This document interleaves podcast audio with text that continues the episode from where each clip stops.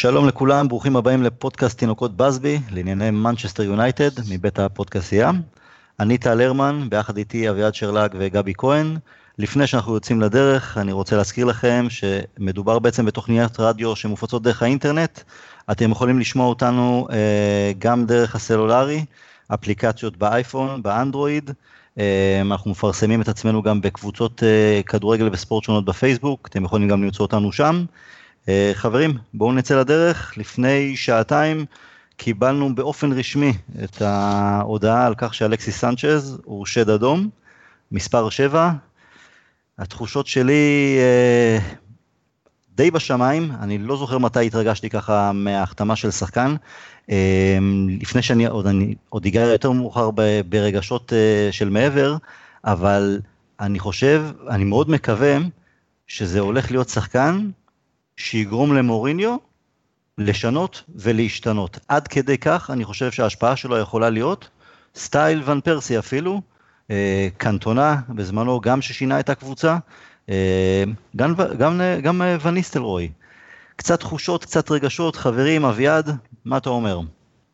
קודם כל מהבחינה האישית אני מתרגש ואני חושב שהסיבה שזה הרגיש כאילו זה לקח כל כך הרבה זמן היא קצת באשמתי. אלוהי הגורל חיכו שאני ואבא שלי נהיה ביחד באותו חדר, ועשר דקות אחרי שנכנסתי הביתה ופגשתי אותו, יצאה הכרזה הרשמית. יפה.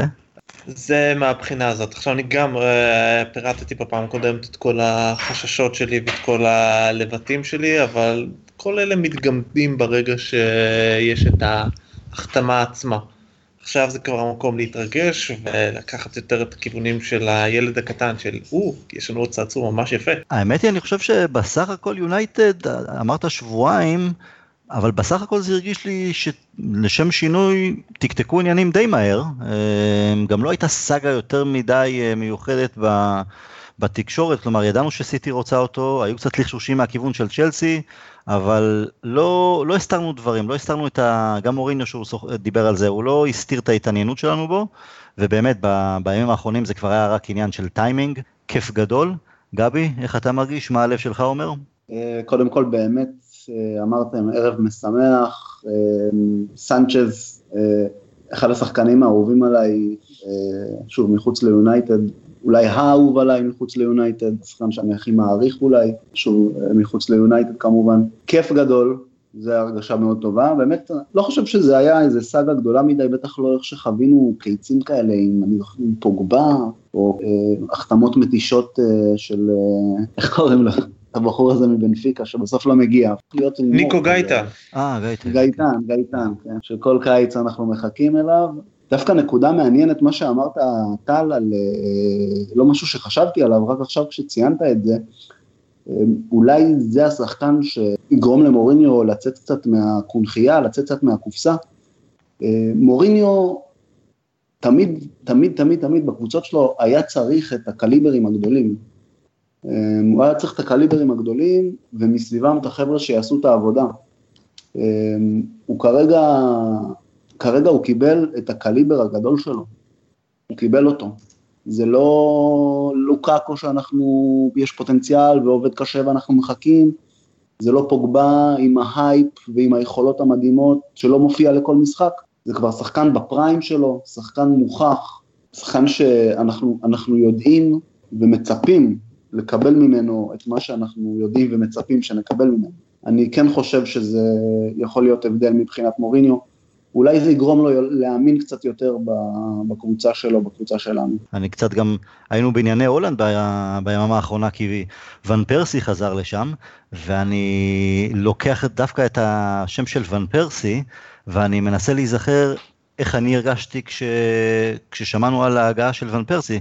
זה היה גם, גם אז אני חושב שזה היה די מהלך, אה, גם סוג של שבוע, שבועיים, שידענו שפרגי, אה, שהוא מועמד לעזוב, שארסנל לא, לא יכולים להשאיר אותו, וגם אז נלחמנו עם סיטי, גם עם יובנטוס, והחשש דאז לגבי ון פרסי היה העניין של הפציעות, למרות שבעונה עונה 2 3 האחרונות שלו בארסנל הוא היה די נקי מפציעות, אבל זה היה החשש שלנו. והפעם אני לא מרגיש שיש שום חשש לגבי אה, אה, סנצ'ז, לא לא מבחינת כשירות, הבן אדם משחק ללא הפסקה, טפו טפו טפו, בלי פציעות. הבן אדם מנפק גם יכולת קבועה ברמה הכי גבוהה, שזה יציבות שמאוד מאוד חסרה לנו. אבל עזבו רגע את המקצועי, בואו נדבר קצת על החתמות גדולות מהעבר. טוב, כל אחד אנחנו קצת בגילאים שונים, למרות שגבי, אני ואתה באותו גיל, אני חושב אביעד אתה צעיר מאיתנו. גבי, אתה זוכר איפה היית כששמעת שקנטונה עובר אלינו? דבר ראשון, טל, תן לי, תן לי את השנים שלי, אנחנו לא באותו גיל. לא? נראה, לי יש בינינו איזה חמש שנים לדעתי. אה, כן? אז אני הכי גדול בחבורה, אוי ואבוי. טוב, נו. האבא הדואג אתה. משהו. אה, קנטונה, לומר את האמת, לומר את האמת, אני לא זוכר. אה, בכלל, יש לי, כבר ציינתי את זה, יש לי זיכרון כדורגל לא הכי מוצלח. באופן מוזר, אני לא יודע למה, אני זוכר את ה... מצחיק, דווקא את ההחתמה של קריק, ואני זוכר את זה בתחושה של, אני כאילו מדבר על פרגי, אני אומר, מה הממזר הזה מנסה לעשות? זה מה שזה היה. כלומר, כולנו זוכרים איך נראינו, כלומר, מה היינו צריכים בעונה, בעונות לפני שקריק הגיע, בדיוק ההתחזקות הזאת של צ'לסי והעלייה שלה לגדולה, ו... וזה מה שפרגי עשה, מביא שחקן אחד. זה החתיכה החסרה שלו לפאזל, שגם הוכיח את עצמה. אני זוכר שאני, לא אגיד רגשות מעורבים, אני פשוט מאוד מאוד תהיתי מה, מה הוא מתכנן לנו, מה הוא, איזה שפן הוא שולף עם uh, קריק. Uh, לשמחתנו זו הייתה החתמה נהדרת uh, גם שנים קדימה. קריק זו הייתה החתמה של, כן, כולנו הרמנו גבה, לא לגבי קריק, הכרנו אותו מהליגה ו... והמוסר המצוין שהוא, אבל כן לעומת... בוודאי. בוודאי, שחקן טוב, פשוט אמרנו, זהו, זה הכל. זה הכל לעומת הקיץ והרכישות שצ'לסי עשתה דאז. אני זוכרת אבל את ה... אני חושב שמבחינתי בכל אופן, גם כי הוא אחד האהובים עליי בכל הזמנים, קנטונה, כשאני שהבנתי שהוא מגיע ליונייטד, זה, וזה גם תחילת שנות התשעים, זה לא התקשורת של היום, לא אינטרנט, היינו קצת ניזונים מה, מה-BBC World Service ומפה ושם קצת לראות בסקיי ניוז את ה... כל אחרי שעה ועשרים תמיד היה איזה מבזק אה, ספורט של כמה דקות והעיתונים בישראל ואני זוכר שזה היה וואו מטורף. אביעד תן קצת רגשות אתה איפה אתה היית שקנטונה או בכמה היית שקנטונה עבר אלינו. אז את זה אני פחות זוכר, אלה היו הרגעים שפחות או יותר התעצבתי כאוהד יונייטד. העברות שאני הכי זוכר, הראשונה שאני זוכר ממש בתור אחת שהשפיעה עליי זה אנדי קול, שאני זוכר עוד שחשבתי על וואו, שילמנו הרבה כסף. שבע מיליון. כן, אז זה היה מלא כסף. מאוד. השנייה שאני זוכר זה גם הסאגה הראשונה נקרא לזה ככה, זה דווייט יורק. זו הייתה סאגה? לא זכור לי, כן? היה, אני זוכר כמה שבועות טובים שדיברו על כן בא, לא בא. אתה יודע, במסגרת תקשורת הספורט המוגבלת של הארץ בזמנו. זה עוד טרום עידן הפייסבוק ודומה, והרשתות החברתיות. ואחרי זה מה שאני זוכר זה וניסטלרוי, שאני זוכר שאהבתי את העובדה שהחתמנו אותו אחרי הפציעה שהוא עבר. זה משהו שמאוד ריגש אותי וגם קריק וקריק הרשו לי להוסיף למה שאתם אמרתם זה גם את ההקשר של וניסטלרוי עוזב. כלומר זה לא רק ש... אה, זה הכל, רק קריק מגיע, והוא לא שחקן כזה מרגש, אלא גם, אוקיי, איבדנו את החלוץ הכוכב שלנו עכשיו, הוא הלך לריאל מדריד. מה בדיוק התוכנית פה? לגבי אנדי קול, אני הייתי בקורס בצבא, בתחילת הצבא בעובדה, ואני זוכר שהבאתי איתי מהבית איזה טרנזיסטור ואמרתי אני, שוב, אז בעיקר היה, אוקיי, היה לנו כבר את המשחקים הישירים בערוץ 5, אבל uh, עדיין היינו ניזונים המון מהרדיו, ואני זוכר שניסיתי להגיע איכשהו לגבעות שם, בחולות, לנסות לתפוס את השיר, איזה שידור מסוים, שום דבר. באחד מהפעמים שהייתי מתגנב, הרי מה המצרך הכי חשוב לחייל בצבא? זה מדור הספורט. ואני זוכר שהלכתי, התגנבתי לאזור של המגורים של האנשי קבע, כי שם ידעתי שיש מכולת ואין תור של ארוך של חיילים, ופתאום אני רואה, לוקח את המדור ספורט ורואה מאחורה אנדי קול 7 מיליון, זה היה פשוט, כאילו אתה לא, לא יודע מה לעשות עם עצמך. זה באמת העברה שהייתה, ותשמע, תשמעו, אנדי קול היה החלוץ הכי חד בליגה. השילוב שלו ופיטר בירדסלי זה היה, זה היה שירה מהלכת, ואיך קיגן הסכים לוותר עליו, איזה, אי אפשר להבין את זה. אנדי קול היה נהדר, אני זוכר את המשחק הראשון של ון, אה, שוון ניסטלרוי, הייתי בקפריסין, באיה נאפה, בחופשה, וראיתי את זה שם גם כן עם פאב עם אוהדי אברטון ומה, כל מיני שכאלה, וזה היה כן, וואו, וזה היה מאוד מרגש באמת לאחר הפצע שדחתה את כל ההחתמה באיזו שנה. אני חושב על עוד החתמה ממש ממש מרגשת. גבי, יש לך עוד איזה שם? כן, תוך כדי עכשיו שדיברנו, נזכרתי, אה, נזכרתי בהחתמה של טווז, כלומר, זה לא היה איזה משהו מפתיע, כלומר, אולי כן קצת, הוא היה כבר בליגה, אבל כל כך התרגשתי והתלהבתי, כי כמה שנים קודם לכן, אני זכיתי לראות אותו בבואנוס איירס, בבוקה, בבומבוניירה, עולה כילד, עולה דקה 80, או משהו, אני כבר עולה דקה 80, מבקיע צמד, הופך את התוצאה לשתיים אחת. אני הלכתי וסיפרתי את הסיפור הזה לכל החברים שלי, אתם לא מבינים איזה שחקן יש, אתם לא מבינים, הוא עוד יגיע לאירופה, הוא עוד יגיע זה, ופתאום הוא נוחת ביונייטד, כל החברים שלי אמרו לי, אה, זה זה שדיברת עליו. אה, זה היה מבחינתי באופן אישי לפחות, אה, זה רגע משמח וכיפי, אה, ההמשך שלו היה קצת פחות. זהו, אביעד, אה, סליחה, כן גבי, תמשיך. כן, כן, לא, בבקשה. רציתי לשאול את אביעד, אביעד, מה, יותר, מה אתה יותר זוכר, את ההגעה של טווס או הצורה שבה ויתר, פרגי סוג של ויתר עליו או שהעניין שם התפוצץ? אני זוכר את ההגעה שלו, כי זה גם נוגע לכל העניין המשפטי, שאני זוכר שזה הגניב אותי, שאני מבין על מה הם מדברים לעזאזל בתקופה הזאת, עם כל הקטע של הבעלות שלו, זה היה באמת חתיכת סיפור במשך די הרבה זמן, הסיפור של טווס. מי הבעלים שלו, אפשר לחתום, אי אפשר לחתום. העזיבה שלו, כבודו במקומו מונח, בוא נגיד את זה ככה, ושיישאר מונח שם. לגמרי. אני חושב דווקא על החתמות שפחות תפסו uh, כותרות בזמנו, אבל שהפכו אחרי זה להיות מהשחקנים באמת הגדולים בהיסטוריה שלנו, עברה uh, ווידיץ'. הייתי בדרבי המנצ'סטרי בחוץ, בהופעת בכורה של עברה 45 דקות, שלאחריהן אמרתי לחבר שלי ביציע, הוא לא הבין לאן הוא הגיע. הקצב, הברוטליות, האגרסיביות, הבן אדם היה כאילו גם הכותרות של העיתונים לאחר מכן אמרו כאילו את מי פרגי הביא ולאחר מכן גם עברה לקח לו את הכמה חודשים להבין מי נגד מי גם וידיץ' ואחרי זה הפכו להיות אלילים לגמרי. אתם רוצים להוסיף עוד קצת משהו על הרגשות לפתוח ככה את הלב? רק לגבי אלקסיס זה פשוט כמו שאמרתי את ספקות ואת הכל אפשר לשים בצד עכשיו זה הרגעים השמחים של יש לנו את אחד השחקנים הכי טובים בעולם בואו נהנה מזה.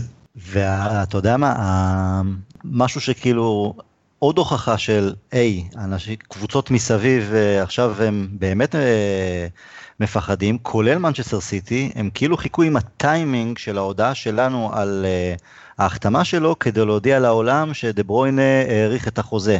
לא יעזור כלום, הם יכולים להיות במקום הראשון בפער של 50 נקודות. לא משנה במה הם יזכו וכמה כסף יהיה להם וכמה כוכבים הם יביאו. הם תמיד יסתכלו קודם כל איך לעומת יונייטד. זה בטבע שלהם, זה לא, לא יעבור לעולם, וכמה כיף שזה לא יעבור לעולם. חבר'ה, בואו נעבור קצת למישהו, דיברנו על זה גם בפודקאסט הקודם, אבל לא מספיק, דיסקסנו דאז אלקסיס אם וכאשר, לאיזו עמדה? צד שמאל, אמצע או צד ימין? עכשיו, היה לנו נוח לחשוב, אה, כדי להצדיק את ההגעה שלו, לרצות שהוא יגיע, לפחות אני זוכר מצידי ומצד גבי, אתה אביעד היה לך קצת יותר חששות, היה לנו נוח לחשוב שהוא יגיע לצד ימין כי אין בעיה בצד שמאל, או כי אנחנו לא רוצים לעצור את ההתקדמות של מרסיאל, או רשפורד. ואני חושב שגם במשחק האחרון, למרות לא משחק גדול שלו, אבל שוב הביא את התכלס, מרסיאל פשוט אומר למוריניו, חביבי, זה לא, על, ה, זה לא על, ה, על התפקיד שלי, לא על הדקות שלי. גבי? כן, אמרת נכון. אה, אני חושב ש... ספציפית זה מורגש ככה בשני המשחקים האחרונים, בכלליות, לפני כן אני אגיד, נראה שמוריניו, כולנו אה, כבר רואים את זה, נראה שמוריניו נסגר בגדול על, ה, על ה-11 שלו, לפחות על החלק ההתקפי שלו, אה, בוא נאמר לו קונסטלציה של ה-4-2-3-1. שוב, נכון לעכשיו, נגיד, אני אגיד את זה, מאזור הקריסמס, אה, פחות או יותר יש לו הרכב קבוע. מרסיאל, שתפס את עמדת שמאל שם אחרי איזה חצי עונה של אה, תחרות עם רשפורד, עדיין סובל מחוסר יציבות. כלומר, גם בשני המשחקים האחרונים, אחד הוא סיים עם שער, אחד הוא סיים עם שער ובישול, פחות או יותר הפעולות החיוביות המשמעותיות היחידות שלו במשחק. אני גם אמרתי את זה קודם, זה מראה, דבר ראשון, זה מראה בהחלט על ה, אולי על הביטחון שיש לו, במקום שלו בקבוצה, בעמדה שלו, ביכולות שלו. זה כמובן מראה על הקור רוח הבאמת יוצא דופן שיש לו, שיש לו ברחבה ומול השאר.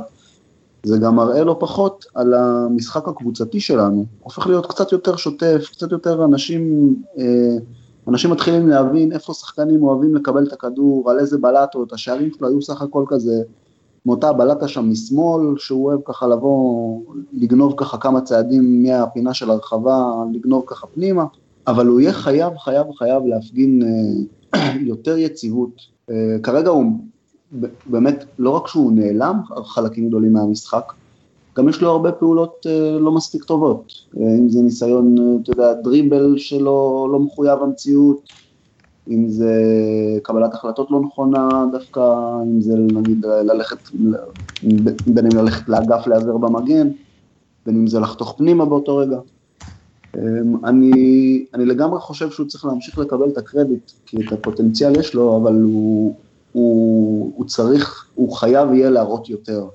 אה, אני לא הייתי שם את, אה, לא הייתי מציב את אלקסיס על העמדה שלו, אני כן הייתי רוצה להמשיך לראות כמו שתכננו את אלקסיס בימין, זה יכול רק להפרות את כולם, אה, כלומר כשיש לך שחקן כמו אלקסיס על המגרש, כולם ייהנו מזה, גם ארסיאל, גם לוקקו, גם פוגבה, אני בטוח שזה יעלה את האיכויות והיכולות של שאר השחקנים. אני מסכים איתך לגמרי שמרסיאל גם לא ביכולת באמת יציבה מספיק או טובה מספיק, הוא מנפק את הקבלות, כמו שציינת, שער, שער ובישול, שזה תמיד טוב, כלומר, יש איזה חוק אה, לא רשום, לא כתוב, בעיקר לחלוצים, כלומר, גם במשחק שאתה לא טוב, תן את הגול, תביא את הבישול.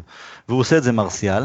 אני לפעמים, אני חייב להודות, אני שופט אותו, כל, אולי באופן טבעי, כל, בגלל שאנחנו גם אוהדים קצת אה, כמה שנים אחורה, אז בכל פעם שאני רואה אותו פורץ עם כדור על הקו, או כל מישהו אחר מצד שמאל, אפרופו דה פאי שדיברנו עליו קודם לכן, אני תמיד אומר לעצמי כאילו, מה גיגס היה עושה? איך גיגס היה נראה? כלומר, לפעמים אני רואה שם כל כך הרבה הזדמנויות שאני אומר, בואנה, גיגס היה אוכל את המגנים או קורא את המצבים הללו בקלות, ואצל מרסיאל זה, זה עדיין לא שם. טוב, זה גם קשור לגיל, זה גם סגנון משחק אחר. כל עוד הוא מנפק את השערים הללו, אז כן, אז למוריניו יהיה קשה להזיז אותו אה, מהעמדה. אני כן יותר ויותר משתכנע, אולי גם בעקבות שני המשחקים האחרונים, שאלקסיס לאו דווקא יהיה מצד ימין, אלא יותר באמצע. אביעד לדעתי, כי שוב פעם אנחנו רואים, בשני, שוב, שני המשחקים האחרונים, לינגארד ומטה, זה עוד פעם החוסר יציבות. משחקים נהדרים, לעומת פתאום משחקים שאתה פשוט אומר, רגע, הם על המגרש? אצל מטה זה תמיד היה ככה למען האמת מאז שהוא הגיע, ולינגרד הוא שחקן שפשוט ניזון מאחרים. כלומר כשהחלק ההתקפי שלנו מתפקד וזז, אז לינגרד קל לו הרבה יותר לבוא לידי ביטוי. זה פשוט מי שהוא וזה לא ישתנה לעולם. לגבי מרסיאל, נוח מאוד לשכוח שהוא בן 22. בסך הכל נכון, בן 22. נכון. עכשיו הסתכלתי שנייה בזמן שאנחנו מדברים על משהו אחד קטן. כולנו זוכרים לטובה את עונת השיא שלו, שהוא רק הגיע. עונה נהדרת.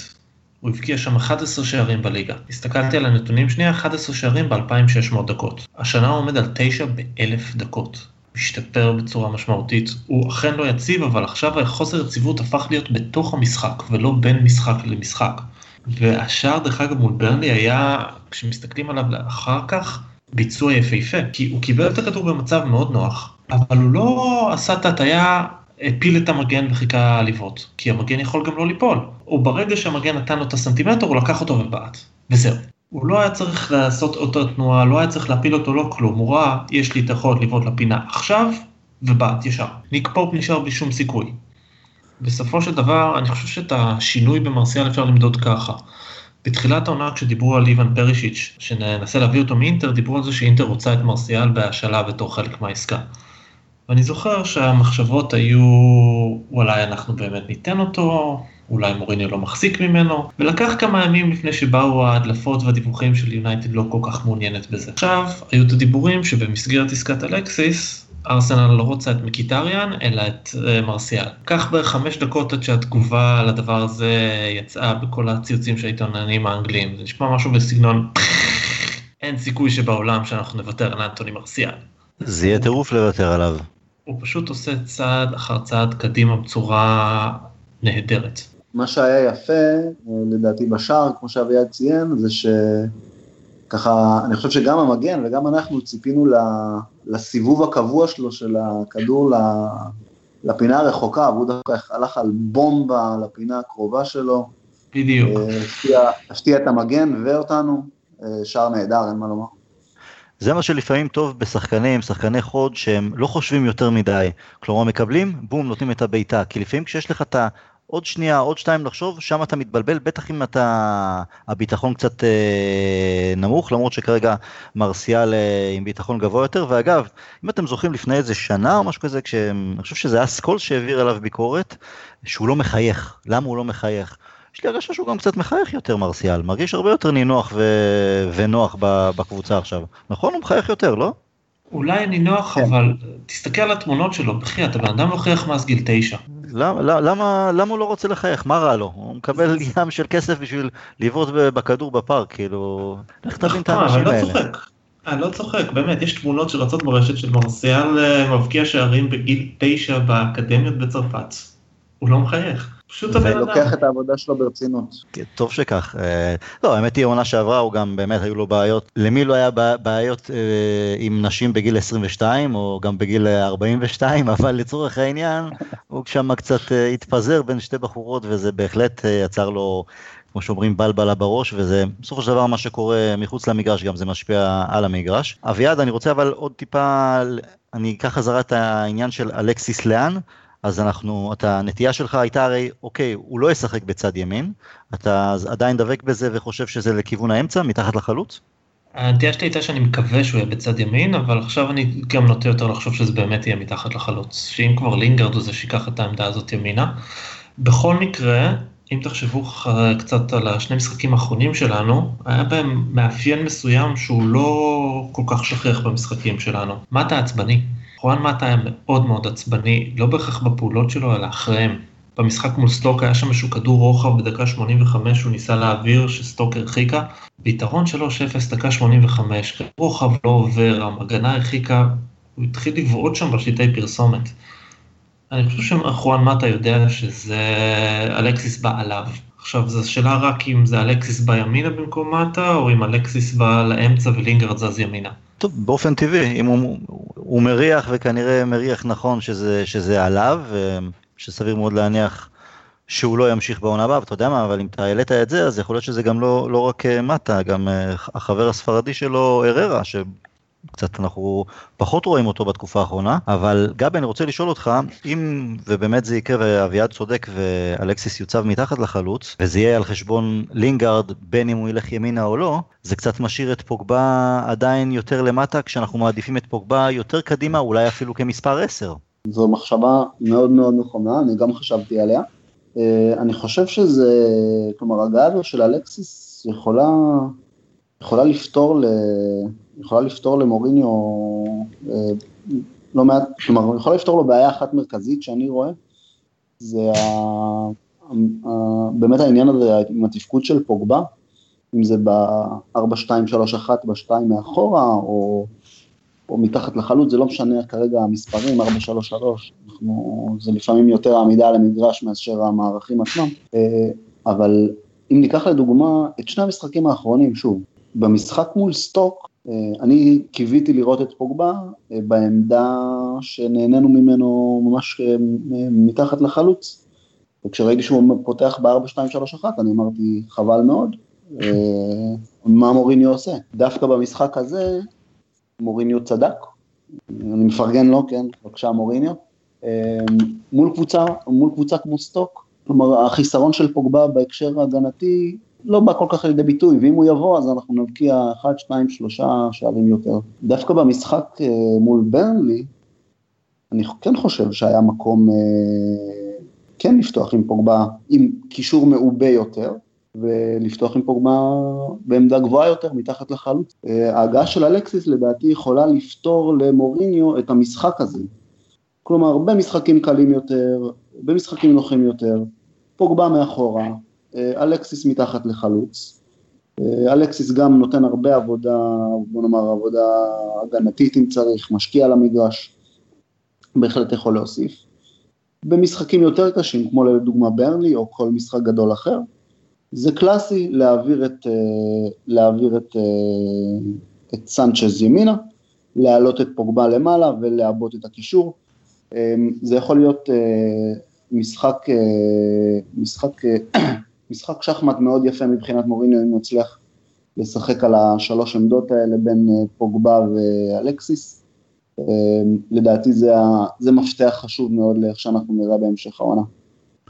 ציינת את אה, אלכסיס ועניין של עבודת הגנה, אנחנו היום קופצים ככה משחקן לשחקן ממקום למקום, מעבירים כדור ככה בכדורים של 40 אה, מטר אלכסונית, אז באמת אה, תמיד כשמדברים על שחקנים של מוריניו, ובהקשר של מוריניו זה אוקיי, הגנה הוא יודע לעשות, הרי מוריניו גם רוצה את השחקנים שלו יודעים ועושים הגנה. אבל יכול להיות אביעד שאולי יש סיכוי שמוריניו יגיד, כלומר כן, אלכסיס צריך למלא את ההערות הטקטיות ולחזור אחרי שחקן ולסגור והכל, אבל יכול להיות שבגלל באמת שמדובר בשחקן מוכח של הטופ של הטופ העולמי, יכול להיות שהוא יגיד לו, אתה יודע מה חביבי, סטייל מה שפעם תירי אנרי אמר על אה, גוורדיולה בברצלונה, היה אומר להם, את השני שליש הראשונים מסודר by the book. שליש אחרון, תעשו מה שבא לכם, שכל הכישרון יבוא לידי ביטוי. אתה חושב שאולי אם סנצ'ז אה, מוריניו קצת, אה, שוב, ובתקווה שלי גם שאולי זה יהיה השחקן שיגרום לו לשנות ולהשתנות קצת, ייתן לו ככה איזה כרטיס חופשי סטייל מה שהיה פעם לקנטונה, תעשה מה שאתה רוצה? התשובה הארוכה לזה והמפורטת היא כן. לא. אה, כן? אוקיי. תמיד יש לו את השחקן הזה, לפחות אחד, תמיד. אתה חושב שקריסטיאנו רונלדו ביקש לעשות הגנה? וואו, אתה שם, עכשיו, רונלדו, אתה שם עכשיו את רונלדו עם האתלקסיס וזה עדיין לא מעמד לא שונה.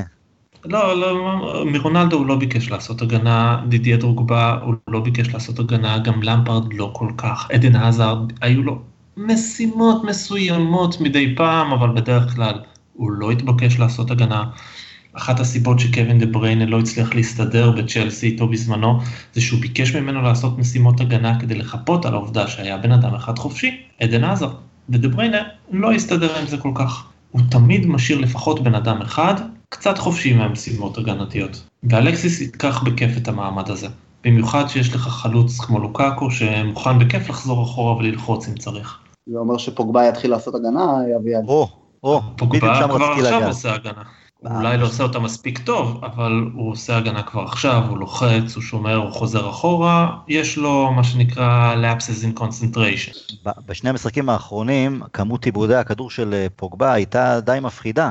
אה, נגד אה, ברנלי גם, זה היה כאילו חיכה לשריקות של השופט ברגע שהוא הרגיש שעושים עליו עבירה או משהו כזה, פשוט הפסיק לרוץ, וזה משהו שהטריף אותי, כאילו, חביבי, קודם כל תרוץ, אחרי זה תתווכח עם השופט. אבל... איפה אנחנו עדיין, אנחנו חוזרים לבעיה של, אה, בעיה במרכאות, כן? שוב, עם אלכסיס מתחת לחלוץ, פוגבה יותר מאחורה, אנחנו חייבים שזה יהיה שם עם קישור מעובה, כי הוא ומטיץ' ביחד, ציפורן חודרנית שכזו, זה, זה כואב, זה לא, לא מספיק טוב. גם ברלי במשחק האחרון, אמנם לא הרגשנו את זה כי באמת בזכות משחק מצוין של פיל אה, ג'ונס וסמולינג, תכף ניגע בהם, אבל זה עוד פעם שמה, המרכז השדה שלנו, כששניהם ביחד, לא מספיק, לא מספיק עוצר.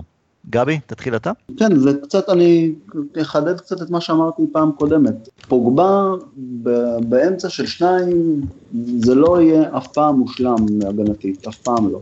אמ, במשחקים הקלים יותר, זה, זה, פשוט, זה פשוט אמור להיות מספיק טוב כדי ש... א', אולי נספוג פחות כי הקבוצה נגדנו פחות איכותית, וגם אם נספוג עם פוגבה בתפקיד חופשי יחסית, ועם סע, אלקסיס בתפקיד חופשי יחסית, אנחנו נצטרך, מה זאת אומרת נצטרך? אם לא נכבוש יותר, אז, אז, אז חוסר ההגנה של פוגבה היא לא, לא תהיה הבעיה שלנו. במשחקים היותר קשים, כן, מוריניו יצטרך בפירוש, בפירוש, בפירוש לתת את תשומת הלב הזאת, כי אה, אני תמיד, אני תמיד מזדעזע, אני מזועזע מה, מה, מהדרבי הראשון של פוגבה, מהמחצית הראשונה בעיקר, בעונה הקודמת. זה היה נראה פשוט רע, רע, רע, רע. אמנם עברו, גם פוגבה השתפר המון מאז, אבל כל, ה, כל הליקויים הבסיסיים אה, נמצאים שם, באיך שהוא נראה שם. כיסוי לא נכון, ירידה איטית אחורה, קריאה לא נכונה של, אה, של מהלכים ושל שחקנים שהם מצטרפים אה, מהחצי של היריב לחצי שלך. מורינו יהיה חייב לשים לב לזה, אני בטוח בכך, אה, אין לי ספק שחיזוק כלשהו, בין אם זה בצורת רכש, בין אם זה בצורת של העמדה טקטית על המגרש של שחקנים, הוא ייתן לזה מענה. זרקת אותי לדרבי ההוא, לדרבי במחזור השלישי, השלישי זה היה, השלישי או רביעי של העונה הקודמת, הייתי במשחק הזה, וזרקת אותי לדרבי הזה, ודווקא למישהו שוואלה, לא ציינו אותו עדיין הערב, מקיטריאן, שבעצם עשה את המעבר לארסנל, ואני זוכר שהיו איתי שני חבר'ה ביציע, חבר'ה ישראלים, שאתם גם כן מכירים אותם, גם כן כותבים איתנו בקבוצת פייסבוק, שהסתכלנו אחד על השני ואמרנו, בואנה, אה, מיקי, הוא... זה כמו עברה בדרבי הראשון נג... שלו נגד סיטי גם כן, הוא לא יודע לאן הוא הגיע, הוא לא מצא את עצמו. אני זוכר שרוני גם אמר לו, תעזור, תסגור שטחים, תלחץ משהו, הוא פשוט לא הבין, הוא לא, לא הסתדר עם התכלס, הוא גם לא, בשונה מפוגבה, הוא גם לא, לא למד עד עכשיו אה, כמו שצריך, זה לא, זה לא המשיך טוב יותר. אביעד, אתה רוצה להגיד משהו על פוגבה קדימה, ואם לא, אולי אני אמסור אחורה גם ונשמע אותך קצת אה, מדבר על פיל ג'ונס, גם על סמולינג, אם אתם זוכרים לפני שבוע או שבועיים בפודקאסט הקודם, או זה שלפניו דיברנו על אה, מצטייני העונה, ואני אמרתי, או מצטייני חצי העונה, שלי היה פיל ג'ונס, ומאז הוא אפילו לוקח את זה גבוה יותר. אה, קודם כל לגבי פוגבה, אני מתחיל בנקודה הזאת, תחושתי הוא מלבד ה-lapses in concentration, הוא בסך הכל עושה מה שמבקשים ממנו. כלומר, הוא מתבקש להיות הקשר השני ב-4-2-3-1, אבל הוא גם יודע ומתבקש להיות הבן אדם שדוחף אותנו קדימה. זאת אומרת שלא משנה מי מחזיק בכדור, אם זה אנחנו או היריבה, הוא תמיד עם עין אחת קדימה. אין מה לעשות, זה משפיע על משחק הלחץ, זה משפיע על הסגירה, הוא לא יכול להיות כולו באני ארדוף אחרי הקשר הזה לתוך הרחבה, אם חמש שניות אחר כך אני אמור להיות באזור חצי המגרש ולהעלות את ההתקפה. התחושה שלי היא שבמשחקים כמו ברני, נגד כל קבוצה מחוץ לטופ 6 לצורך העניין, אנחנו נראה כנראה את פוגבה בעמדה הזאת ב-4-2-3-1, ואנחנו ברוב המקרים נהמר על החור הזה בהגנה. בגלל זה, אגב, ג'סי לינגרד, אה, יש לו יתרון על חואן מטה, כי ג'סי לינגרד הוא זה שיכול לחזור אחורה ולעזור אה, ב track back הזה. הוא עשה את זה נהדר, דרך אגב, מול ברנלי. ומשחקים מול הטופ 6, אנחנו נראה סביר להניח 4-3-3, שהררה יתפוס את המקום הזה, נחזק קצת את האמצע, הררה או פלאיני, ופוגבה יוצב אה, בעמדת המספר 10, כשמצד אחד מיקי, מצד שני מרסיאל. ולוקאקו לפניהם, רשפורד יכול להיכנס לכל אחת משלושת העמדות האלה. אבל זה כנראה מה שנראה, ואם זה יעבוד כמו שצריך, אז בקיץ אנחנו נראה מישהו שמגיע לעמדה הזאת full time. מבחינה הגנתית, פיל ג'ונס נותן את הלב, את הנשמה, את הגוף, הוא יצטרך עדיין לשפר את ה positioning שלו. זה עבודה טובה, אבל הרבה פעמים נתפס מחוץ לעמדה. אני חייב להיות שלילי מדי פעם בנקודה הזאת. לא, לא, לא, אל תהיה שלילי, למה? תשמע, בואנה, תכלס, היה לו משחק מושלם נגד ברלי, נכון, זה רק ברלי, אבל uh, אני, ההרגשה שלי שהבן אדם שיפר, השתפר קודם כל, גם היה לנו איזה דיון uh, השבוע על זה, של האם זה מוריניו ששיפר את פיל ג'ונס, או לפי, לפי דעתי, זה בעיקר העובדה שהבן אדם, טפו טפו טפו, עוד פעם, נקי מפציעות, כי הפוטנציאל שלו, מעבר למלחמה והכל, הרי אם אתם זוכרים, פרגי בתחילת הדרך אמר זה דנקן אדוארדס, עד כדי כך פרגי, טעה שם אמנם, אבל עדיין נתן לו מחמאה שלא כל אחד מקבל מבחינת היכולות שלו. אז הוא לא דנקן אדוארדס, אה, הוא גם לא יהיה יאפ סתם, הוא לא, בטח לא ריו, אין לו את הטיפול בכדור כמו שהיה לריו, אבל כן ההרגשה שלי שברגע, תמיד אני טענתי שברגע שהוא כשיר ומשחק לאורך תקופה מסוימת, הוא טוב, אבל זה תמיד היה חודשיים, בום פציעה, שלושה חודשים, בום פציעה.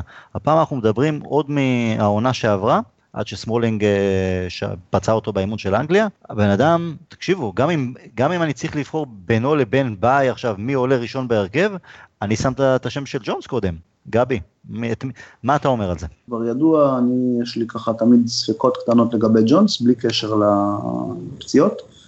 אה, אביעד, דווקא ב positioning, כמו שאתה אומר, שזה בהחלט נקודה שהוא צריך לשפר, דווקק בשני המשחקים האחרונים, אה, לפחות לפי מה שאני שמתי לב, הוא היה באמת פלולס בעניין הזה. הקדים שחקנים, כלומר עלה עם, ה... עלה עם השחקן שהוא שומר עליו אה, אפילו טיפה למעלה, הקדים אותם לכדורים שנמסרו אליהם, עמד נכון, עמד נכון הגנתית, גם עמוק, גם גבוה, בשתי הסיטואציות, שתי הסיטואציות האלו. הלוואי שימשיך ככה, תשמע, לא יודע, חוד של, אה, לא חוד, אה, מרכז הגנה של ביי ג'ונס אה, נשמע נהדר, אני מקווה שזה לא, מתכון למרכז הגנה פצוע ופציע. אתה יודע מה, אמרת את uh, ביי וג'ונס, ואביעד, אני מטיל עליך משימה, כי אתה איש הסטטיסטיקות uh, מבינינו. אם תוכל, לפודקאסט הבא, um, המשחקים של ג'ונס לצד סמולינג, כמה פעמים, כמה ניצחונות היו לנו שם וכמה ספיגות. יש לי הרגשה שתמיד, אני חושב שגם לשם פרגי כיוון בזמנו, שהם יהיו הצמד המוביל גם של יונייטד, גם של נבחרת אנגליה, שהם משלימים אחד את השני, מבינים אחד את השני, הכי נוח להם אחד אה, לצד השני. וההרגשה שלי, שוב, אני לא יודע מה הסטטיסטיקה, אבל אני חושב שהיא די מאוד חיובית כשהם משחקים ביחד. אבל אה, כמובן אנחנו כן נצטרך את, אה, את ביי כשיר גם ל- לרוטציה. ביי שם זה אומר שרוחו פחות משחק, אה, שלינדוף יכול אה, לאט לאט לצמוח. אה, בלי לחץ של לזרוק אותו כי אין ברירה, כמו שהיה מספר פעמים העונה. אתם רוצים להוסיף עוד משהו על אה, ברנלי, מעבר לזה שהבמאי האנגלי הראה לנו לא מעט מה, מהנוף של אה, לנקשר? בסופו של דבר זה באנו ראינו ניצחנו, לא מהמשחקים הגדולים ביותר שלנו השנה, אבל גם לא המשחקים הגרועים שלנו השנה. ידענו שיהיה קשה שם. כן. לא קל שם בכלל. אוקיי, ברנלי עברנו. רגע, אבל רק שנייה אחת. כן. יש לי פה נתון על סמולינג וג'ונס, נכון למחזור ה-19 פחות או יותר, שזה לסטר אם אני לא טועה. אוקיי. שלושה שערים בשישה משחקים ביחד. לא רע. לא זה אחרי המשחק מול לסטר, לזה צריך uh, להוסיף עוד את uh, סטוק, את אברטון נדמה לי, ואת ברני, אז אנחנו מדברים פה על באמת שלושה שערים בתשעה משחקים ביחד. לא, זה לא רע בכלל. אה, ונגד ברנלי גם זה פעם ראשונה שאני זוכר תקופה ארוכה, שדחיה לא נאלץ לעצור שום דבר שאמרנו, וואו, כרגיל, הוא לוקח גול של 100%. גבי, יש לך עוד איזה מילה או שתיים להגיד על אה, ברנלי? אה, קודם כל, ברנלי הם, תסלחו לי על השפה, הם בני זונות קשוחים, פשוט ככה. כלומר, כל ביקורת כל ביקורת שאנחנו נותנים פה, ביקורת שלילית שניתן פה על השחקנים, אה, צריכה לקחת בחשבון את זה שברני פשוט מוציאים לך את החשק לשחק. אה, מבחינתם בצורה החיובית והנכונה, הם עושים את הדברים כל כך נכון על המגרש, עומדים נכון, אה, מסתגרים מאוד מאוד טוב מאחורה, ויוצאים מאוד נכון קדימה, זה, זה אלמנטים שקשה מאוד להנחיל לקבוצה, והם עושים את זה בצורה נהדרת. אמ, באמת המצטיינים שלי במשחק הזה היו ג'ונס כמובן, כמו שדיברנו, אה, השחקן הכי אחורי על המגרש, ולוקאקו, שעל אף שהחלק הקדמי שלנו בקישור גם לא הכי עבד, לא הכי פעל כמו שצריך, שוב, בגלל ברנלי, הוא נתן שם, שוב, ההשקעה שלו והנחישות שלו תרמו לנו המון המון, הביאו המון פעולות חיוביות שהוא עשה, אמ, אני כן חייב לתת ביקורת קטנה על מוריניו, אני חושב שהוא פספס קצת בחילופים. לוקאקו, למעשה עד הבישול עבד קשה מאוד, אה, ומאחרי הבישול ראית, הוא היה מאוד עייף, בקושי, כלומר, הפסיק לעשות את התנועה הזאת שראינו ממנו ב-70 דקות ראשונות, שהיה מקום אה, לתת לו קצת אוויר, אה, גם פוגבה, ששוב, בלי קשר כרגע למשחק לא טוב או פחות טוב, היה במשחק מאוד עצבני, אני לא, לא הצלחתי להבין למה. גם מטה היה עצבני באמת, אבל פוגבה כבר מהעשר דקות הראשונות, רבע, דקות, רבע שעה ראשונה, הספיק שם להתעצבן על השופט ולריב שם עם כמה שחקני ברנלי. אה, מורינו היה צריך להיות טיפה טיפה יותר עם האצבע על הדופק בעניינים האלה. אנחנו יודעים כבר שהוא לא מחליף אף פעם, לא את פוגבה ולא את לוקאקו. גם לא את מטיץ'. אה, גם לא את מטיץ', זה גם נכון, אבל, אבל כדאי לפעמים, לפעמים כדאי כן, לפעמים כדאי כן. אה, אני חושב שהיה מקום, אה, שוב, חילוף מסוים, קונסטלציה מצולמת, אפילו, אתם יודעים מה, להכניס את הררה ואת פלאיני ולהוציא את פוגבה. אני כן, כן רוצה לראות קצת יותר גמישות בעניין הזה ממוריניו. שוב, להמשך.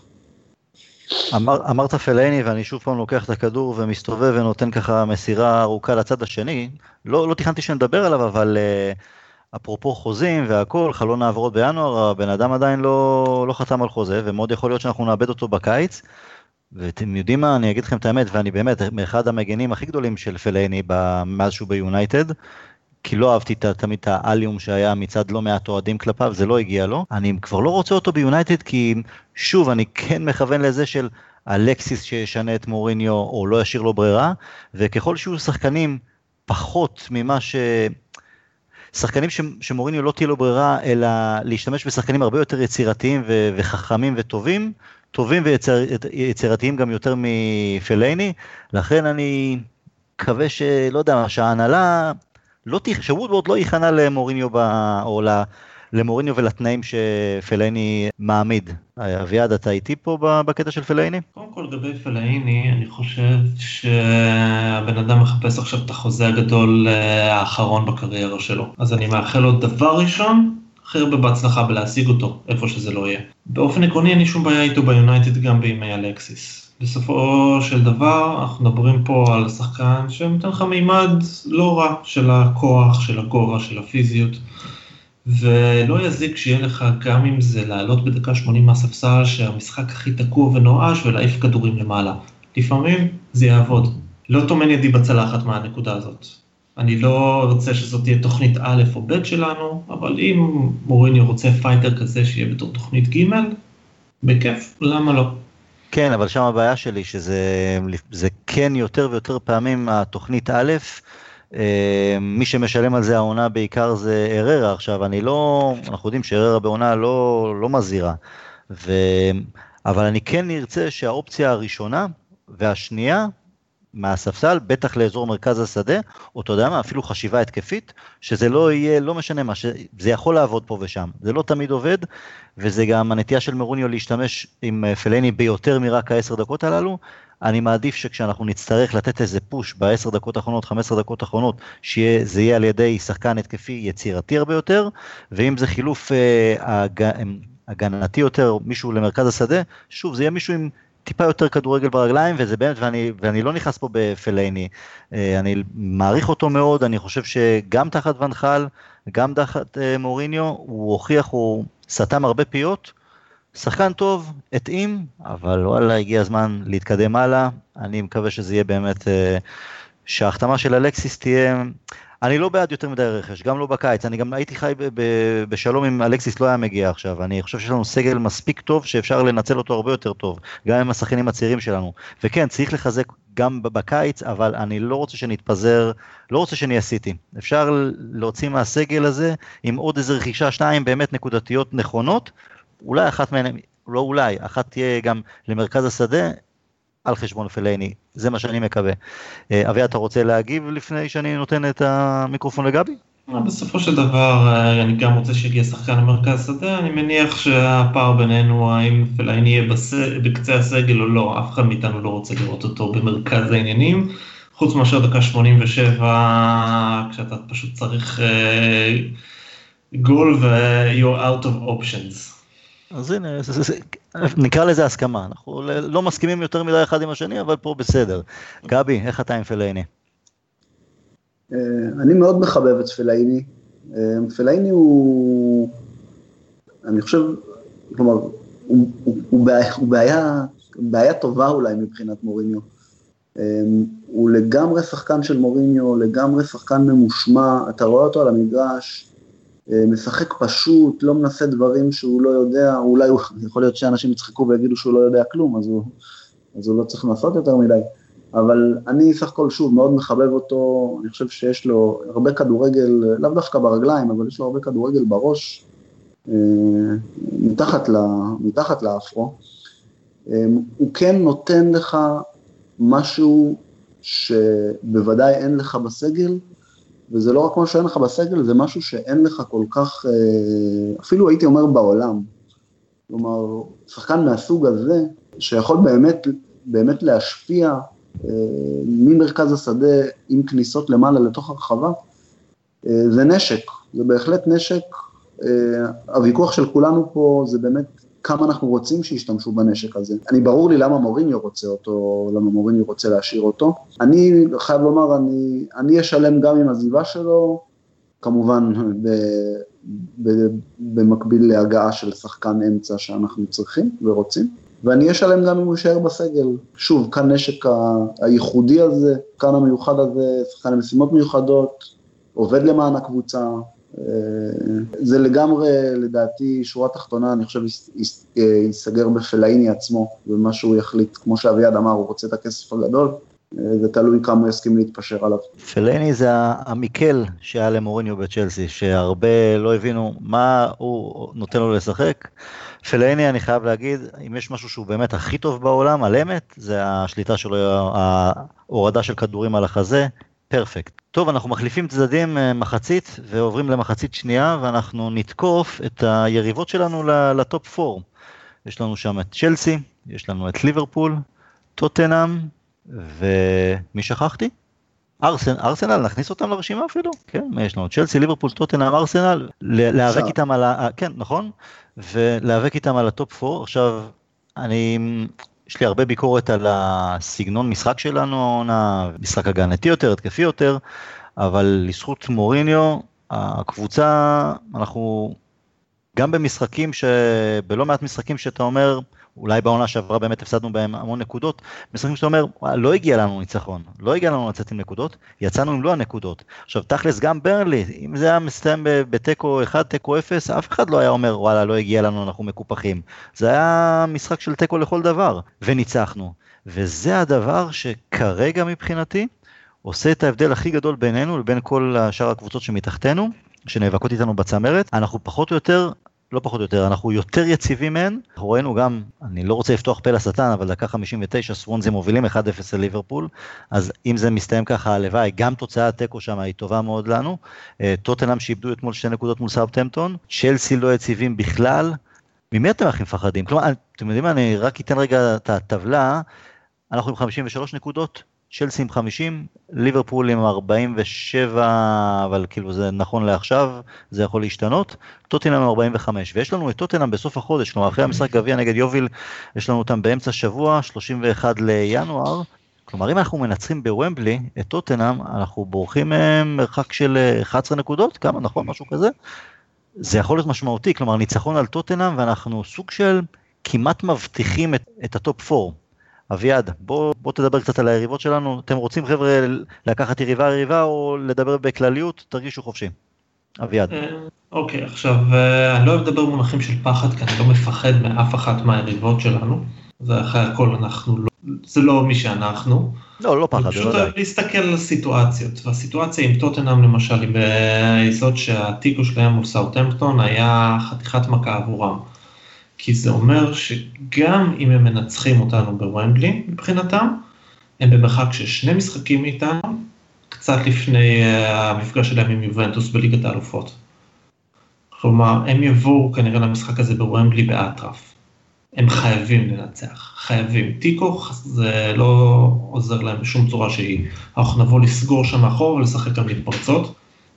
ואם זה נגמר תיקו ומעלה לטובתנו, אני לגמרי רואה את טוטנאם מניחים נשק ומתחילים להתמקד בלעבור את יובנטוס ובליגת האלופות. זה מהבחינה הזאת. ליברפול, אני אישית עדיין מאמין שהם ינצחו את סוואנסי, אבל בלי שום קשר, שנה הבאה זה השנה שלהם, שנה שאחרי השנה הבאה. אלוהים יודע. כל פעם, מה שמפתיע אותי זה שתמיד הם משוכנעים שהשחקנים שלהם הכי טובים, והמאמן שלהם הכי טוב, והקבוצה שלהם הכי טובה, ואיכשהו זה לא, לא מסתדר העובדה שהם במקום רביעי, שלישי.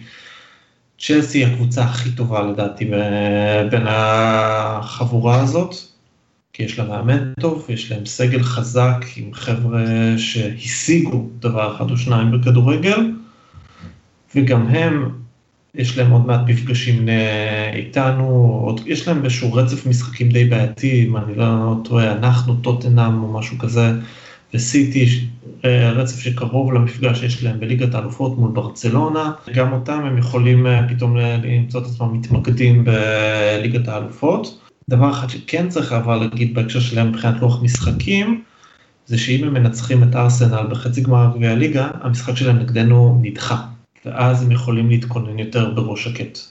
מבחינת יכולת, הם הקבוצה הכי אה, חזקה שיש בטופ 6 מלבד סיטי, והייתי שמח לומר מלבדנו, אבל זה remains to be seen. ארסנל, בניגוד לכל השחיטה שוונגר מקבל כל פעם, שחלקה מגיעה לו בצדק, הם עדיין יריבה חזקה, הם עדיין קבוצה חזקה, אבל האובדן של אלקסיס בטווח הקצר הוא מאוד משמעותי. הם הביא, הביאו את אה, מיקי ומדברים על להביא את אובמיאנג.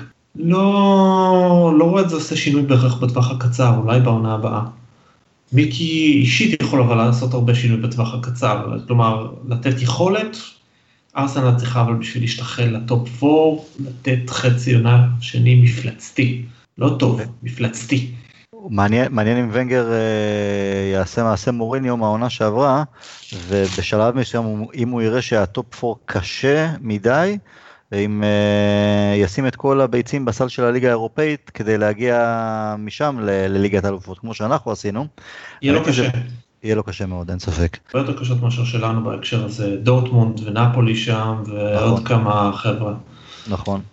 אמ, טוטנאם הם שיחקו נגד סאוטהמפטון בלי אריקסן וזה מדהים. אני אגיד לך כזה דבר, כל הוויכוחים ודיונים של אה, סביב איך אנחנו נראים עם מוריניו, לא פעם, גם לי, אני מודה, יש נטייה של להגיד, וואלה, תנו לי את הכדורגל כמו שטוטנאם משחקת, או ואני אפילו פה, יסלח לי אלוהים, אני אכתב ואגיד, אכתב ואגיד, גם ליברפול, יש שם משהו, קשה לי להגיד את זה על ליברפול, כן, אבל יש שם משהו שמח בכדורגל שלהם, משהו פחות uh, עצור, אולי כי זה, לא יודע אם זה לא, אם זה מתוכנן יותר או לא, אבל יש שם איזה אווירה סביב, סביב ליברפול, גם בקבוצה, אני מבין גם את האוהדים שלהם על מה הם מדברים, ואמרתי, ואני חושב שגם אמרתי בשלבים מוקדמים יותר העונה, תנו לי את הכדורגל של טוטנאם, אבל עם הנגיעות של מוריניו, ואני הכי בטוח שבעולם. אבל, עם, גם טוטנאם, גם ליברפול, בואו נדבר קודם על טוטנאם, אריקסן שהוא לא משחק שמה, אין להם שום balance.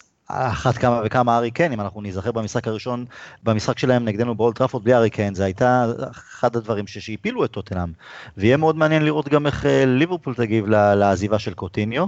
צ'לסי, האמת היא שראיתי אותם נגד אה, נוריץ' בגביע, שהגיע לפנדלים, שם אמר, הם עדיין מאוחדים, קונטה משאיר אותם כיחידה אחת אה, מאוד מאוחדת, מלוכדת, וכן, אני מסכים איתך אביעד שהם עדיין הכי, הכי, מסוכנים, הכי מסוכנים מבחינתנו, לא מפחידים, מסוכנים.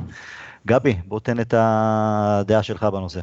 אני חושב, אמרתם אה, באמת סך הכל, אה, סך הכל את הכל, אני לא, אני מסכים עם כמעט כל הדברים, אני אתן לזה סיכום קצר, לטעמי, בלי ניכוסים ובלי שום דבר, הטופ 4 צריך, הטופ 4 בסוף העונה יהיה העיר מנצ'סטר, צ'לסי וליברפול, ככה חד וחלק בתחושה שלי, ארסנל אה, עם כל הרצון הטוב, הם גם כבר נמצאים מעט רחוק, וגם אה, אלקסיס שווה להם, אלקסיס לבדו שווה להם עשר נקודות בחצי עונה, אז הם יתקשו מאוד לחפות על הפער הזה, מיקי זה בטח לא יהיה זה שיעשה את ההבדל מבחינתם. טוטנאם פשוט לא יציבים מספיק העונה, וכשמכניסים לשיקול את אה, ליגת האלופות, זה בהחלט, אה, בהחלט יפגע בהם, מה עוד שעל אף שמעט התגברו על אה, קללת ומבלי שלהם, זה עדיין לא מה שהיה הווייט ארט ליים. צ'לסי, צ'לסי חזקים, צ'לסי לא פחות חשוב, עמוקים יותר, עמוקים יותר מהקבוצות האחרות. שוב, אני מוציא רגע אותנו ואת הסיטי מהסיפור הזה. יש לו מספיק אופציות איכותיות אה, על הספסל ובסגל, מהגנה ומעלה. כלומר, גם הגנה, גם קישור, גם התקפה. יש להם אה, מחליפים ברמה איכותית. וליברפול, אה, גם, אנחנו, אני, אני אומר את זה ככה, אנחנו רואים את זה באיזה צער מסוים או בבאסה מסוימת. אה, אפשר, אפשר להגיד הרבה דברים על קלופ, והוא באמת, באמת טיפוס מעצבן, אין לי מה להגיד. אבל, אבל זה בן אדם, אתה מרגיש שזה בן אדם שעושה שינוי, כלומר, זה, בקונסטלציה מסוימת זה, זה, זה מאמן, זה מנג'ר שיכול אה, להפוך פני מועדון אה, עם הכריזמה שלו, עם הנחישות שלו, עם ה... תגדיר את זה, אה, אידיאולוגיית, פילוסופיית ספורט, אידיאולוגיית כדורגל לא מתפשרת כזו, הוא בהחלט מישהו שיכול לתת להם רוח, ולדעתי הרוח הזאת מרגישים מאוד העונה. זה יספיק להם בשביל מקום רביעי, ובשביל אה, לעקוף את אה, ליברפול וטוטנאם אה, במאבק הספציפי הזה. אני אגיד לכם משהו אחד על ליברפול וטוטנאם, אין ציפיות אז אין מקום לאכזבות. הרבה יותר קל לשחק כדורגל שמח כביכול וליהנות מהחיים, כשאף אחד לא מצפה ממך לשום דבר, וכשמשחקים מחורבנים שלך מטאטאים אותם מתחת לשטיח. וזה קלופ מתמחה בסיפור הזה. הוא סירב לנו פעם אחת בימים שלפני אה, ונחל בדיוק על הנקודה הזאת. הוא אמר את זה בעצמו, לא, לא יכלתי לעמוד בלחץ. תשמע, אי אפשר להגיד שאין אה, ציפיות ולחצים בליברפול, כלומר, הוא גם יודע, זה עוד עונה ועוד עונה בלי שהוא יצליח לעשות את קפיצת מדרגה של להיאבק פרופר להיאבק על האליפות, הוא גם ימצא את עצמו בחוץ. וליברפול, אתה יודע, עם כל השנאה שלנו, זה מועדון גדול, ובסדר, אנחנו צוחקים על עוד שנה ועוד שנה, אבל יש שם לחץ, ובסופו של דבר אה, גם התפנה, קיבל, אה, הם קיבלו כסף עכשיו גדול על קוטיניו, אז הם כן יצפו להעביר רכש, אם לא בינואר, אז בטח בקיץ, אבל אתם יודעים מה, עזבו רגע ליברפול. אם טוטנאם לא נכנסת לטופ 4, אם טוטנאם לא מגיעה לליגת האלופות, וכמובן בהנחה גם שהיא לא תזכה בליגת האלופות, אה, אני לא יודע, גם בטוטנאם יש לחצים, גם מועדון גדול, והם עוברים לאיצטדיון חדש, אז מן הסתם יש שם הרבה לחץ אה, ספורטיבי וכלכלי, זה מעורבב ביחד, כי תשמעו, בואנה, אם, אם, אם הם לא נכנסים לליגת האלופות, אני לא יודע עד כמה דניאל לוי מצליח לשמור גם את אה, פוטצ'ינו, גם את ארי קיין ואת את עלי. ואם טוטנאם תאבד אחד מהם, בטח את קיין, אז זה נפילה big time, כלומר הם לא ציפו, ההדרגתיות הם אמרו אוקיי, אנחנו הולכים לעשות את הצד של לעבור איצטדיון, כן יש פה סיכון עם ומבלי, אבל אנחנו עדיין חייבים להיות בטופ 4, אנחנו חייבים את הכסף של ליגת אלופות, ובלי זה הם יכולים, אה, אני לא אגיד להתרסק, אני לא אלך בקטע בומבסטי, אבל כן זה חתיכת אה, מכשול רציני. אתם יודעים, אבל איפשהו אני, מה זה איפשהו, אני מאחל להם בהצלחה ושישאירו את ליברפול אה, מאחור ושליברפול תמשיך אה, לנסוע בימי חמישי לכל מיני מקומות נידחים באירופה. אביעד. הם ימכרו את אריקסן ויגידו שזה בסדר גמור, כי זו הייתה תוכנית מלכתחילה. לא צוחק. אריקסן יהיה הראשון שילך, הוא זה הראשון שדיבר כבר בקיץ על זה שאם אה, לא יבואו התארים הוא יצטרך להתחיל לחשוב הלאה. הם ימכרו אותו באיזשהו 110 מיליון למישהו. הציגו את זה בתור, אה, יביאו את מלקום נניח מבורדו ב-50 מיליון, ירוויחו 60 מיליון, הנה הרווח מליגת האלופות, פרויקט, קדימה. זה בדיוק מה שטוטנאם תעשה. ועל זה אני מדבר בעניין הזה של לחץ. לחץ הוא לא שאין ציפיות לחלוטין, אלא שוואלה, הם יכולים להעביר עכשיו שנתיים בלי הישגים משמעותיים והכל בסדר. אבל אתה, אם, אם הם מעבירים אה, שנתיים בלי הישגים משמעותיים או משהו כזה, תשמע, הארי קיין ילך ויהיה להם קשה להגיד. קראתי ב, בעיתונות, טוב, שוב, לך תדע עד כמה זה רציני, אבל עדיין מדברים ב... אנחנו לא נהיה מופתעים, אם ריאל מדריד תציע הצעה של 200 אה, מיליון פאונד על ארי קיין, מישהו יגיד לזה לא? ואז הם יגידו אנחנו מועדון גדול, אי אפשר להגיד לא לריאל מדריד, אי אפשר להגיד לא לסכומים האלה, הארי תודה לך על כל מה שנתת, ויביאו מהנוער שהוא הארי קיין פיטרס, משהו בסגנון הזה, יגידו שזה הכוכב החדש, יסיימו מקומות 5 עד 8 ויקראו לזה הצלחה. אתה יודע מה, אני רוצה רגע, אמרת משהו בהקשר של ריאל מדריד, ומי, ובהקשר של איך אפשר להגיד לא לריאל מדריד, יש לי ויכוח עם כמה חברים לגבי, אה, אני אלך אחורה, לגבי המכירה שלנו את רונלדו. ויש לי חבר שאומר, שם התחילה הרע, משם בעצם, אמנם אחרי זה גם זכינו באליפויות והגענו לגמר באירופה והכל, אבל בעצם ההסכמה שלנו לוותר על רונלדו, בפיק שלו, או רגע לפני הפיק הכי גדול שלו, שם מאז לא התאוששנו. מה אתה חושב על זה אביעד?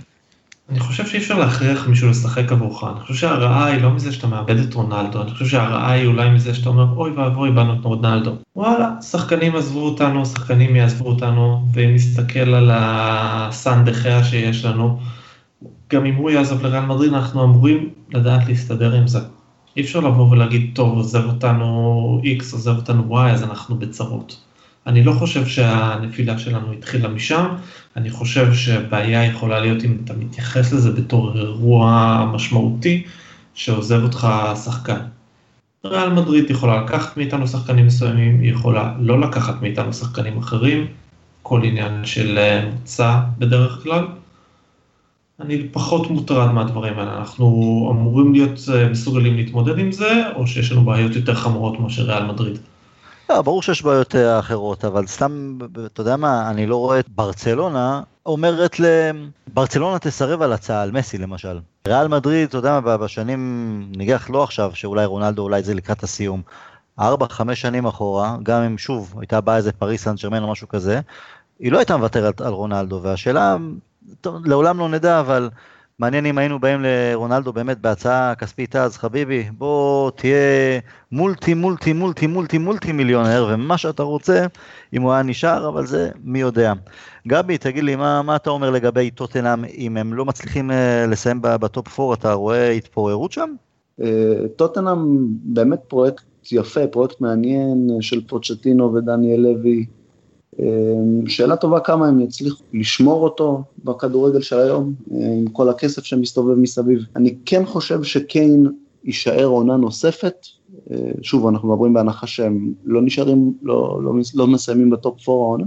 אה, אני כן רואה אותו נשאר עונה נוספת, ככה לגשש מה קורה עם הפרויקט, כן מתקדם הלאה, לא מתקדם הלאה, איזה שחקנים מביאים לו לידו. אה, כדי באמת לנסות ולהוציא משהו שהוא יותר מהמחמאות הנחמדות שהם מקבלים עד עכשיו. קיין ואריקסן, אחד מהם או שניהם, אה, אני לא רואה נשארים בקיץ, שוב, בהנחה שהטופ 4 לא, לא איתנו. לאריקסן יהיה הרבה ביקוש, אני חושב, ודליאלי עוד טיפה מוקדם, גם הוא מראה קצת סימנים של אה, חוסר יציבות, שחקן צעיר.